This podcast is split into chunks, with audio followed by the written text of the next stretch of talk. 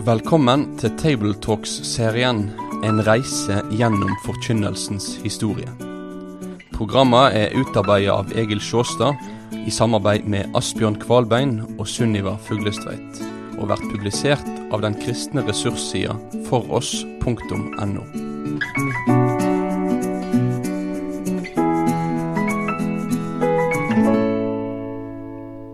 Ja, i denne siste episoden vår så skal vi ha for oss evangelistenes fyrste.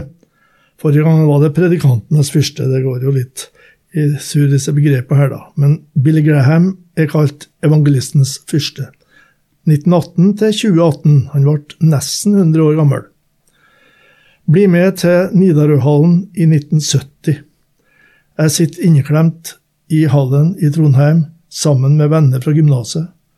På en svær skjerm ser jeg den verdenskjente evangelisten Billy Graham. Underlig nok oppleves han veldig nær. Det er som jeg sitter på bedehuset på fremste benk hjemme. Møtet overføres fra Dortmund i Tyskland, og kampanjen kalles Euro 1970. Den elektroniske tidsalder er for alvor i ferd med å bryte fram. Kristenledere i storbyer over hele Europa har gått sammen om å overføre Billy Grahams møter. Haller og idrettsarenaer blir leid, priser diskutert, teknikere engasjert, PR-komiteer utnevnt, felles bønnemøter arrangert, veiledere og sjelesørgere undervist, etterarbeid planlagt, busser leid for å frakte folk fra bygdene omkring. Noen må ta den sure jobben som parkeringsvakt, også da var det et aktuelt problem. Et og annet sted i byen sitter en tolk eller to og forbereder seg. Nervøsiteten merkes, de vet at deres tolkning kommer til å bli kommentert offentlig i avisene, kanskje i radio. Heldigvis vet de at Graham for lenge siden har lært seg å bruke korte setninger og gi tolken god tid. Hovedkomiteene leser daglig avisene. Billy Grahams korstog kommenteres flittig. Også i avisredaksjonen i Trondheim går diskusjon. De prater om nokså nærgående saker. Hva ligger det i ord som å bli født på ny og omvendelse? Det var tema avis, i avisredaksjonene. Noen angriper hele kampanjen, andre forsvarer den. I en trønderavis skrev en journalist Graham forkynner Kristus, hva er galt med det? Men nå satt vi i Nidarøhallen og hørte det store sangkoret ledet av Cliff Barrows. En kjent solist deltok med sin varme solistrøst, og så preika Graham. Det var helt stille, enkelt å like til, med personlig, et personlig sikte fanga han tilhørerne også i Trondheim. Vi merka en sterk overbevisning om Bibelens autoritet. The Bible Seth, sa han. Preika varte i ca. 40 minutter. Et høydepunkt kom da sangen Just som jeg er, eller Just as I am, lød ifra Dortmund. Vi i Trondheim sang samtidig på norsk, og visste at samme sang nå synges på ulike språk i haller og på idrettsarenaer over hele Europa.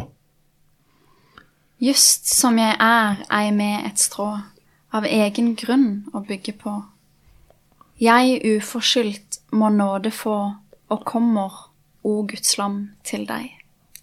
Under den dempede sangen sto Billy Graham på prekestolen, i dyp konsentrasjon. Han inviterte folk til å gi sine liv til Kristus. Hver gang var dette en stor påkjenning for han. Han kjempa for Guds ansikt i bønn mens han innbød. En inderlig omsorg for forkomne mennesker i ulike samfunnslag lå på han. Jeg visste, sier han, at dette kunne bli en avgjørende kveld i deres liv. Jeg var helt avhengig av Guds ånd hver eneste gang. Ånden, ikke jeg, kan bevege hjerter og føre dem til sann omvendelse. Samtidig visste jeg, nå bekreftes, eller avkreftes, medienes tanker om hvor vellykka denne aksjonen er. På bussen tilbake sitter vi og tenker over det vi har opplevd, og vi vet titusener sitter nå i biler eller busser og tenker akkurat som oss. Og noen tenker hva med meg, hvordan er mitt forhold til Gud? I biografien på, side, på 770 sider, Just As I Am, gir Billy Graham oss tallrike glimt ifra hans og teamets mange crusades over hele verden. Det dreier seg faktisk om i alt 400 korstog, som de kalte det, på alle seks kontinent. Hele konseptet forutsetter én storpredikant av unikt format, og denne predikanten var bondesønnen Billy Graham fra North Carolina. Alt som 20-åring, i 1938, mens han var student, ble han utfordra til å preike ved en møteserie. En Southern Baptist Church har oppdaga Billy Graham. Møteserien skulle overføres i radio. 20-åringen forberedte seg grundig og prøvepreika daglig inne i ei tom kirke. Hva skjedde under møtene? Hele 80 mennesker overga seg til Gud. Som arminianer la Billy Graham vekt på å stille mennesker på valg. En kampanje i Los Angeles i 1949 vakte oppsikt i hele USA. Den 30-årige predikanten ble landskjent. Årsaken var ikke bare tilstrømningen av folk. Vel så viktig var det at den populære programlederen Stuart Hamblin inviterte Billy Graham som gjest i et radioshow. En natt senere ringte Stuart Hamblin til Billy Graham. Han ville bli en kristen. Og hans omvendelse ble hveteprøvd for media. Møtekampanjen måtte fortsette. Flere og flere omvendelseshistorier begynte å fylle avisspaltene. Old time religion sweeps Los Angeles, kunne de lese så langt borte som i Indiana. Han ble landskjent. En kampanje i London i 1954 hadde en tilsvarende virkning på verdensplan. Mediene kom nå på banen. Tilstrømningen ble enorm. Allerede første lørdag kveld regna politiet med at det var 30 000 utenfor stadion. Møtene pågikk i samfunnet tolv uker. Billy Grahams preikenrepertoar var snart altfor lite. Han måtte etter hvert forberede hver preike fra bunnen av i tolv uker. Siste møte, nå på Wembley stadion, samla over 120 000 tilhørere. Storfolk i hopetall hadde tilsagt sitt nærvær. Billy kjente fristelsen til å preike over et annet tema enn det han hadde tenkt, men han lot det stå til. Velg i dag hvem dere vil tjene. 2000 gikk fram for å overgi seg til Gud. Graham erfarte Gud gir en trette kraft, for nå var han virkelig blitt sliten. Her er et eksempel på hans forkynnelse, avhengig som den var av korte setninger som skulle oversettes til ulike språk i verden. The resurrection of Christ brings hope, a lively hope by the resurrection of Jesus Christ from the dead. There is hope that mistakes and sin can be forgiven. There is hope that we can have joy, peace, assurance, and security in the midst of this despair of this age.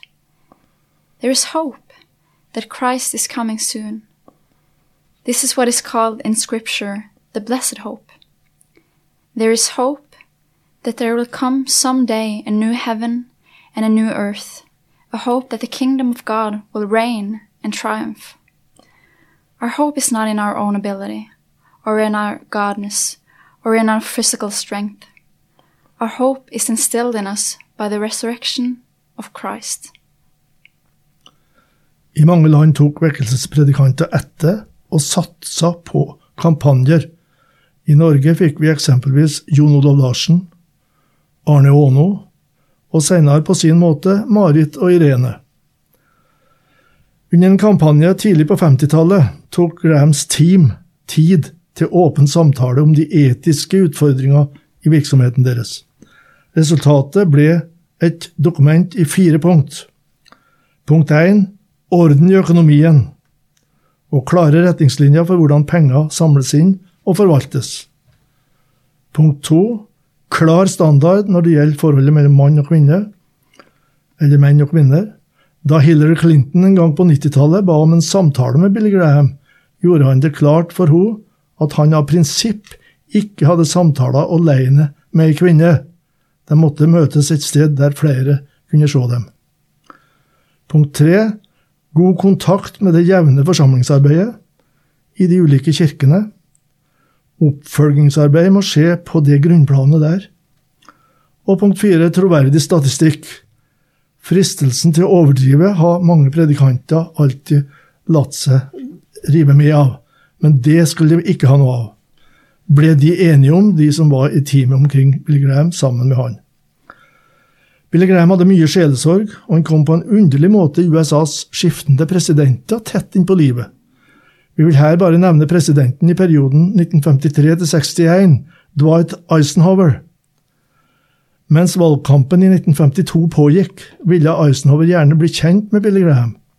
Senere innrømte Eisenhower at han sjøl har kommet langt bort fra sin barndoms kristendom, og dette har han tydeligvis gitt Billy Graham lov til å fortelle. Men nå var han åpen for å melde seg inn i kirke. I 1955 inviterte han Graham på et privat besøk. De satt sammen ved peisen, og presidenten spurte. Billy, tror du på himmelen? Graham bekreftet.